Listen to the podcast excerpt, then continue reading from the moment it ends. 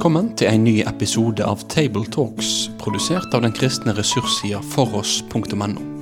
På foross.no får du tilgang til tusenvis av solide, oppbyggelige og korsforankra ressurser. Vil du være med og støtte dette arbeidet økonomisk? Da kan du gjerne gi de gaver til Foross på VIPS nummer 70979. Vi håper at du setter pris på dagens episode av Tabletalks.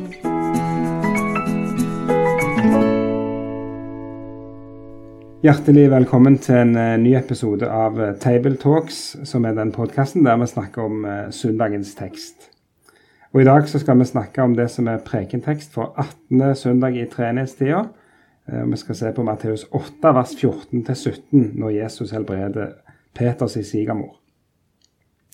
Vi er fremdeles i treenighetstida, der vi leser tekster som på ulike måter handler om livet med Jesus, det å følge Jesus, det å være disippel.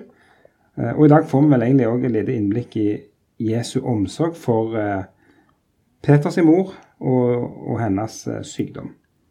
Med meg for å snakke om denne teksten, så har jeg Sverre Bø. Og så er det meg, Knut Kåre Kirkholm. Så er det bare oss to i dag. Vi pleier å være tre, men i dag var det bare vi to som kunne. Jeg skal begynne med å lese teksten fra Matteus 8. Jesus kom hjem til Peter og så at svigermoren hans lå til sengs med feber. Han rørte ved hånden hennes, og feberen slapp henne. Hun sto opp og stelte for han. Da det ble kveld, brakte de til han mange som hadde onde ånder. Han drev åndene ut med et ord og helbredet alle som var syke. Slik skulle det ordet oppfylles som var talt gjennom profeten Jesaja. Han tok bort våre plager og bar våre sykdommer. Sånn fortelles det, og eh, det er kanskje bare en veldig hverdagslig liten ting som er hennes sykdom. Kanskje var det alvorlig, vi vet ikke, men Jesus bryr seg. Hva tenker du om det, Sverre? Hva lærer vi av det? Det var ikke lite, det du sa nå. Nei. Jesus bryr seg. Ja. Enten det er å forstå som en ganske dramatisk sykdom med feber som hovedkjennetegn, eller om det ikke har vært livstruende og kanskje ikke heller sånn voldsomt dramatisk. Det er i seg sjøl et stort poeng, syns jeg, i Bibelen, at Gud bryr seg om de minste ting. Han til og med teller hårstråene våre. Og mange ganger så kan vi gjøre ting litt for høytidelig. At det må være sånn eller sånn eller sånn eller sånn for at vi skal bry Jesus med det. Vi lærer det med barn og barnebarn. Den naturlige, direkte omgangen med det. Jeg er f.eks. blitt så glad i det at Matteus 11, 28 er så åpent uttrykt. Dette ordet hvor Jesus sier, 'Kom til meg, alle dere som strever og har tungt å bære. Jeg vil gi dere hvile.' Han sier ikke, 'Kom til meg, dere som har følgende kjennetegn', og så snevrer han det inn til enten veldig dramatiske helseforhold, eller til særlig åndelige spørsmål, eller hva det måtte være. Jeg tror det er Guds gode hensikt å si det så romslig og åpent, fordi han er en vi kan komme med med smått og stort. Og Sånn sett, midt i et evangelium som forteller om at Jesus vekker opp døde og renser spedalske og hiver ut onde ånder og kan få mennesker som er født døv og stum, til å kunne høre og tale, så er det også denne fortellingen om en som hadde feber. Mm. Men den ble borte. Ja. Og det står her at han så at du lå til sengs med feber, så det er jo ikke Peter som har kommet springende og kasta seg ned fra føttene til Jesus og sagt 'vær så snill og kom'. Her har han kommet hjem og sett oi, hun er syk, hun må vi hjelpe. Det er en sånn fin hverdagshendelse, kanskje. Ja, og det er ikke noen liten sak, det å ha et blikk. Et øye for noe. Mm. Nei, det er akkurat det som er. At det er jo det, dette blikket til Jesus som så tydelig kommer fram her. Ja. Og Jeg syns til og med en sånn detalj betyr litt at det står han rørte ved hånden hennes. Ja. Mm. Han er ikke redd for smitte i den forstand.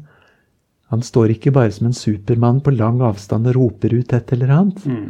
men han trer så nært og bokstavelig som vi hører at han går bort og tar hånden hennes. Ja, det er sant. Det som eh, Denne teksten her er en sånn tekst som jeg eh, vi alltid har i greskundervisningen. Og da er det Markus-versjonen vi har. Og da er det litt spennende å sammenligne dem. For at, eh, og det kan være nyttig òg for en, en eh, forkynner som forbereder seg. at når vi leser denne teksten i Markus, så er han liksom satt inn i en ramme der det er en sabbat i Kapernaum, og det skjer litt forskjellige ting i løpet av den dagen. Jesus er i synagogen, og der driver han ut en urein ånd. og Så går han hjem til Peter, og så helbreder han svigermora, og så blir det kveld. Og så kommer de bærende med alle de syke på sabbatskvelden etter at sola er gått ned og sabbaten er forbi. Mens her i Matteus så er det veldig annerledes. Her, her plasseres han jo inn i her er jo bergpreka akkurat blitt avslutta, og så begynner det egentlig en sekvens vel i Matteus der han forteller en rekke eksempler på, på hvordan Jesus helbreder.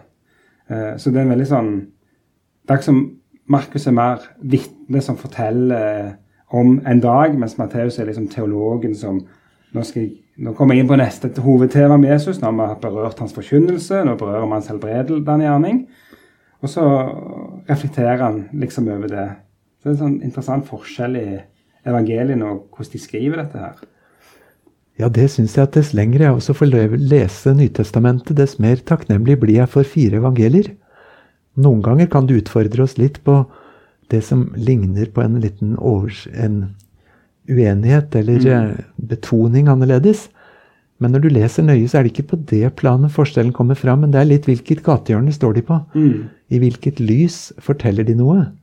Matteus som hele tiden jobber overtid med å vise at det som hender med Jesus, det svarer til Gamletestamentets løfter og, og bilde. Og Markus som hver eneste episode kan fortelle så levende at du syns du har vært der og sett og hørt og lukta akkurat det samme. Mm. Og Lukas med sine lange linjer og tydelige framdrift. Mm. Og Johannes som tar oss med bak scenen etterpå og får oppklart alle misforståelser og utførlige tanker fram og tilbake. I sum så blir det så breit mm. og, og fint. Ja. ja. det er sant. Og, og, eh, da er det ofte disse små detaljene som kan være veldig spennende å legge merke til. Eh, så jeg tenker at det, det å ha sånn oppmerksom blikk på, på disse parallellhistoriene og se småting som er forskjellige. Jeg ble f.eks. gjort oppmerksom eh, når jeg bare leste i en bibelkommentar på denne, at i Markus-versjonen så får vi høre at det er disiplene som gjør Jesus oppmerksom. Mens her så er det ikke fokus på disiplene, her er det fokus på at Jesus kommer og gjør det han gjør. Og at Matteus på den måten gjerne i enda større grad understreker at det jeg holder på å fortelle nå, er alt Jesus gjorde som, eh, som, som den han var. Mens Markus er litt mer opptatt av å vise oss litt mer sånn hvordan skjedde det, og hvordan så det ut, og hvordan lukta det, og, og hvordan hadde de det. artig. Og Markus knytter også tettere opp med at Jesus underviste. Og ut ifra undervisningen så kommer dette behovet for direkte hjelp med helse, mm. men også i sterk grad onde ånder. Ja. Og befrielse av dem. Ja. Og så er det som så ofte hos uh, Markus at det heller slutter med ryktene ja. mm. om at dette ble kjent. Og det var umulig å holde på alle disse nye hemmelighetene om Jesu makt og om hans evne til å løse floker, sånn at alle ble satt ut. Mm. Og så er det en annen interessant detalj, og den får vi vite av alle. og Det er jo at det faktisk er ei svigermor som ligger her. Og, eh, og, det er jo en veldig gøyal ting at uh, Peter har ei svigermor. Han var gift. Og det er noe vi ofte glemmer, for vi får jo ikke høre noe om Peters kone noen gang, vel, annet enn at vi vet at det var ei svigermor inne i bildet. Eh, men det er jo nyttig å vite det, og det, det, det gir oss et uh, mer helhetlig bilde av disiplene og apostlene.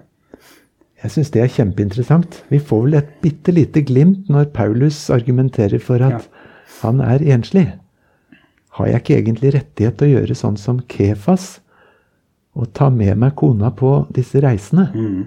Så det var et alternativ. Han sier ikke at det var uåndelig, eller noe slikt, men mm. han begrunner i 1. Korinterbrev 7 og et par andre steder hvor flott det er å være heltidstjener uten omsorgsansvar for nær familie. Mm.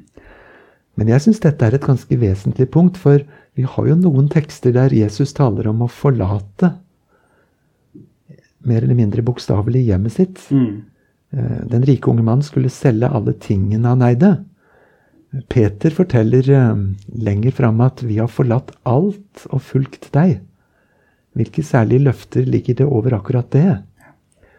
Og da Jesus i Lukas 14 skulle forklare vilkårene for å komme til ham, så sier han at det er ingen som kan være verd meg, Hvis han ikke hater far og mor, søster og bror og de aller nærmeste Og det gir jo et veldig brutalt bilde av å rett og slett forlate til og med familie.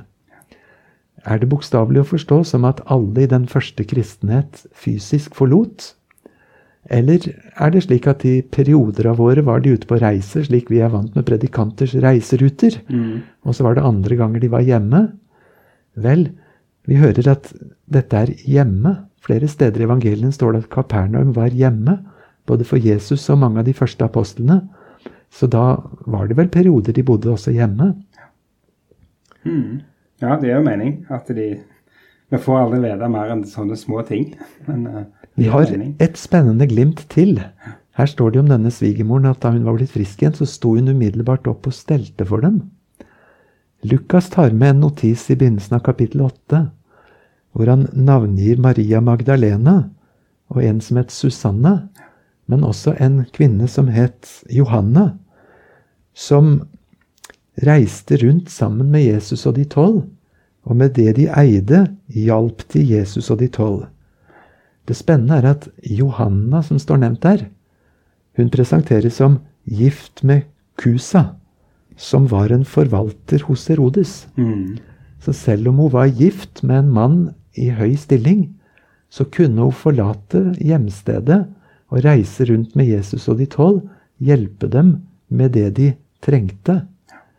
Så her er det på sporet av noen som både kunne være familiefolk, men de kunne være direkte i følge med Jesus. Mm. Så hvordan reiseruten, og om de hadde sånn eh, Hadde sekretær som Ja, eller om de hadde tre uker av og tre uker Ja. på, det vet vi ikke. Men eh, Mm. på noen måter så har begge deler hørt med. Mm. Jeg syns det er litt vesentlig, så ikke vi eh, enten forakter den enslige stand, eller omvendt. Mm. Tenker at den alltid er den rette. Ja, det er faktisk litt viktig, for det, det er akkurat det som er poenget. at det her, her ser vi veldig sammensatt bilde egentlig av disse disiplene og deres bakgrunn, og at de, de fant måter å tjene på som gjorde at de var i stand til å helt åpenbart ta vare på og sin familie oppi det, ser det ut som. da. Så det er en uh, nyttig ting å, å ha med seg. Det tenker jeg. Hadde vi hatt tid til å spørre, eller hatt anledning til å spørre, så kan nok hende at noen av dem også kunne fortalt om noen dilemmaer. Mm. Eh, og Det ligger vel til grunn for Paulus som sier å ha omsorg for Mm. familie i forhold til å ha fulltidsomsorg bare for Guds hus. Mm. Og det er vel noe de fleste av oss som er i en tjeneste i Kirkemisjonen, kjenner på. Noen ganger så oppleves det som en konflikt mellom å ta vare på dem en har et familieansvar for, og det å skjøtte en gjerning i Guds rike. Det er ikke noe vi skal ta lettvint om eller skryte av til høyre eller venstre, men prøve å tjene den samme Herre i begge sammenhenger, Mm. etter mest mulig hans måte, da. Stemmer det. Eh, da har vi fått sett på, på, på den viktige detaljen, eh, som er mer enn en detalj. Og så skal vi inn, eh, som jeg nevnte litt, at du får litt den følelsen av at Matteus er litt tematisk, legger fram ulike sider ved Jesu forkynnelse. Og da gjør han jo en ting som han gjør ganske ofte.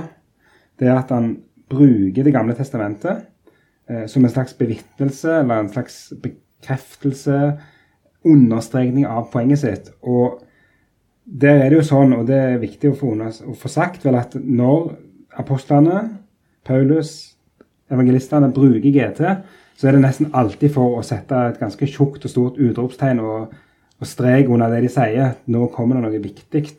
Eh, for nå siterer vi fra skriftene for å liksom bygge opp under det vi allerede har sagt.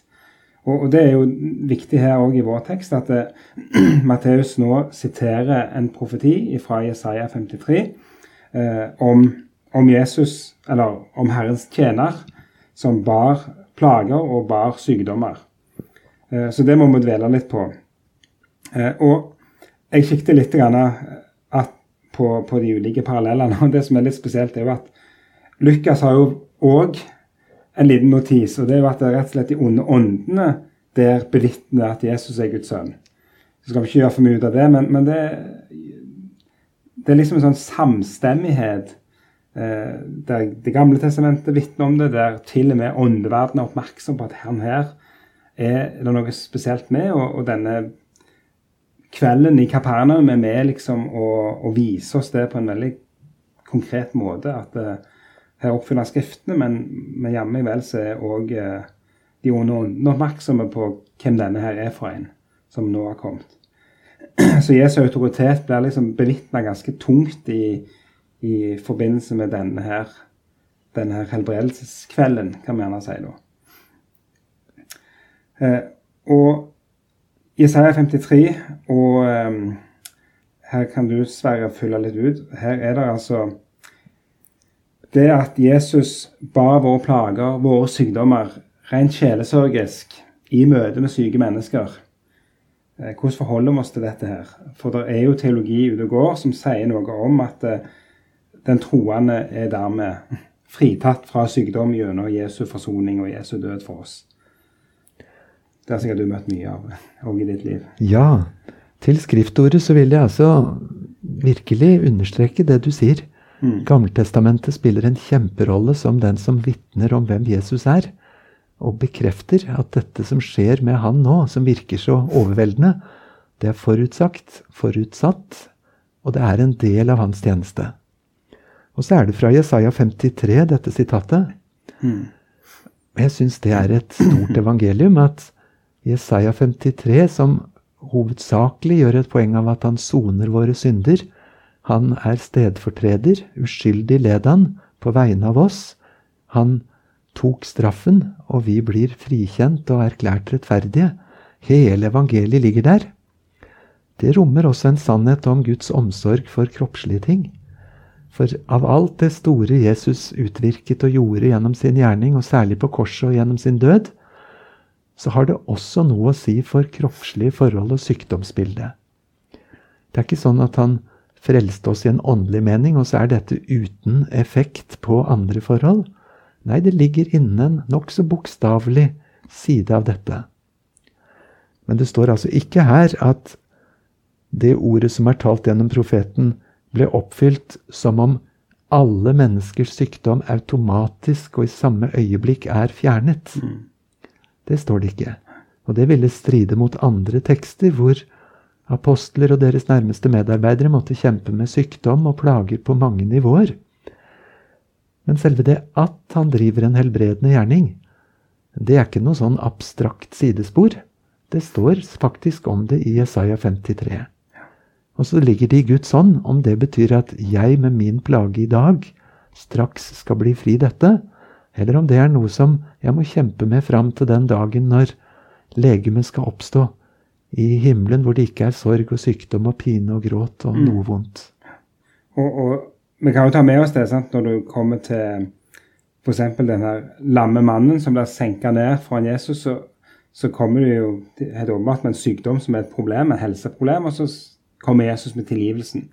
Så, så det å separere Jesu gjerning i to helt forskjellige atskilte ting blir jo meningsløst i møte med hvordan Jesus sjøl eh, møter mennesker som eh, er syke, f.eks. For, for han har òg et tilgivelsens ord til dem. Så, så, det er vel at vi vår, vår, trang til å lage kategorier som gjerne skaper litt krøll for oss av og til. Og jeg tror positivt at det utfordrer meg og min tradisjon fra Bedehus-Norge til å se at Jesu gjerning, Guds rike, frelsen, det er så uendelig stort. Mm. Det griper også inn i det legemlige, det helsemessige. Eh, og det er noe vi leser om i Bibelen uten blygsel, som om det skulle være noe sånn mindreverdig. Mm. Og så leste jeg òg, eh, når jeg forberedte litt her, igjen, igjen i en bibelkommentar som påpekte det at uh, dette sitatet fra Jesaja er ikke ordrett verken etter den greske oversettelsen eller den hebraiske teksten som vi bruker i dag. Det er en liten nyanseforskjell. Eh, og et av de poengene som der ble gjort, var nettopp at når, når dette ordet 'plage' på hebraisk ble oversatt til gresk, så oversatte de det med synder. Så det da en, du, du, du, ser veldig åpenbart både hos Jesus sjøl, i den historiske og kulturelle sammenhengen, at, det, at sykdom, helse og synd og disse tingene er en del av vilkårene som vi trenger hjelp i møte med. Eh, og at Guds inngripen til vår frelse er Alt dette er omfatta av altså både det kroppslige og det åndelige. Og, og, vi har vel gjerne hatt en tendens til å la det kroppslige seile litt i bakgrunnen til fordel for det åndelige, som jo på en måte er forståelig, og samtidig skal ikke undervurderes hvor viktig det kroppslige er for våre liv. Nei, det er ikke underordnet. Jeg tenker på hvor mange bibeltekster totalt sett det er som handler om helse. Mm. Og selve det at Bibelen inviterer oss til å komme fram for Gud med dette på i hvert fall fire måter jeg har funnet i Bibelen. Det ene er at jeg får lov å be. Mm. Det neste er at jeg får lov til å kalle sammen kristne til å be sammen. Det er noen særlige løfter til det å be sammen med kristne søstre og brødre. En tredje vei er dette med å salve og be for noen. Det er i Jakobs brev kapittel 5 at den oppskriften står veldig ryddig og greit. Hvis noen iblant dere er syke, så skal han kalle til seg menighetens eldste.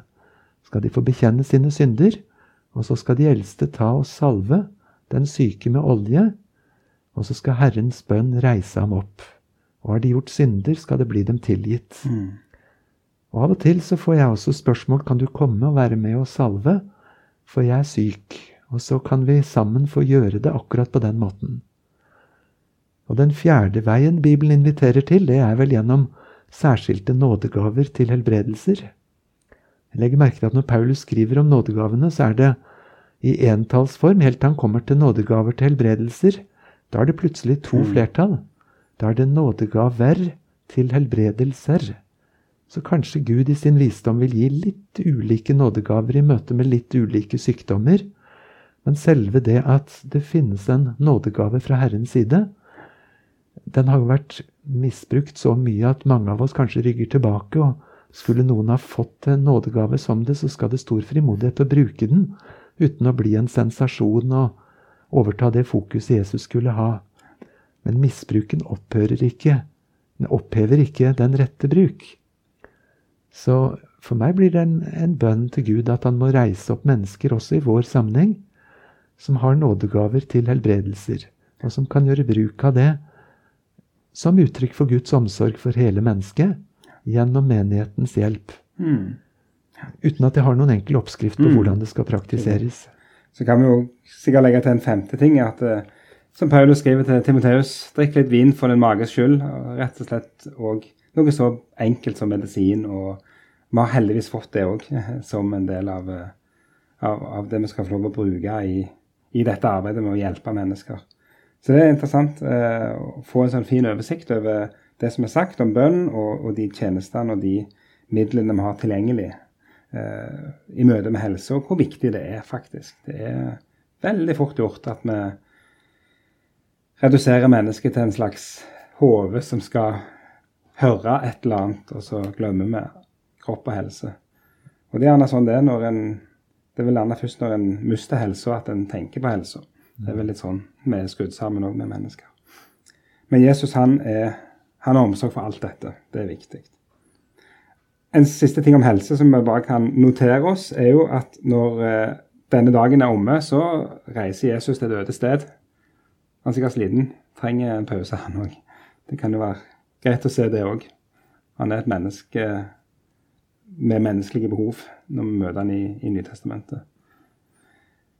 Eh, men klokka går, og eh, vi må komme til det siste punktet som jeg eh, alltid liker å spørre om, og da skal du få begynne, Sverre, med hvis du skal tale over teksten, hva, hvor havner du hen? Da ville min store bønn og ønske være å få lov til å tegne en så varm, nær og ekte Jesus som det teksten gir. Som ser hva som står på, som stanser og bryr seg, som går til den syke, som tør å røre ved den syke, enkelt kroppslig, og som kan løse dilemmaet, Mm.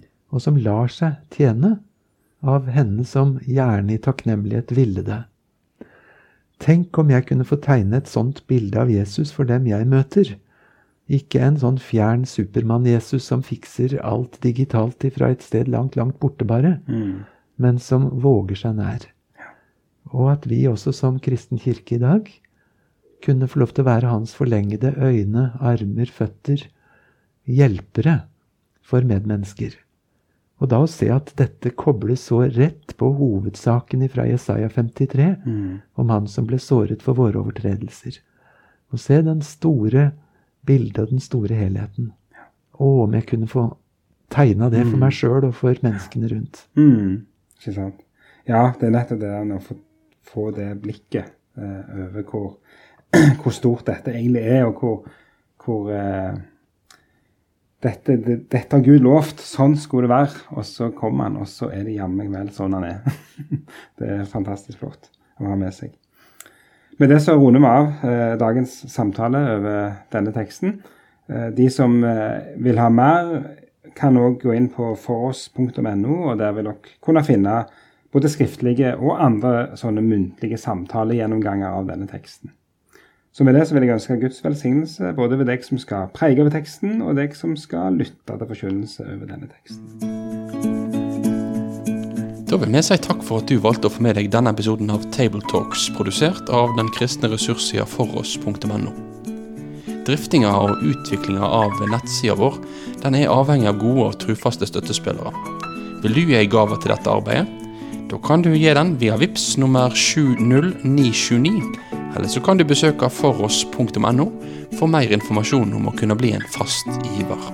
Ha en god dag videre.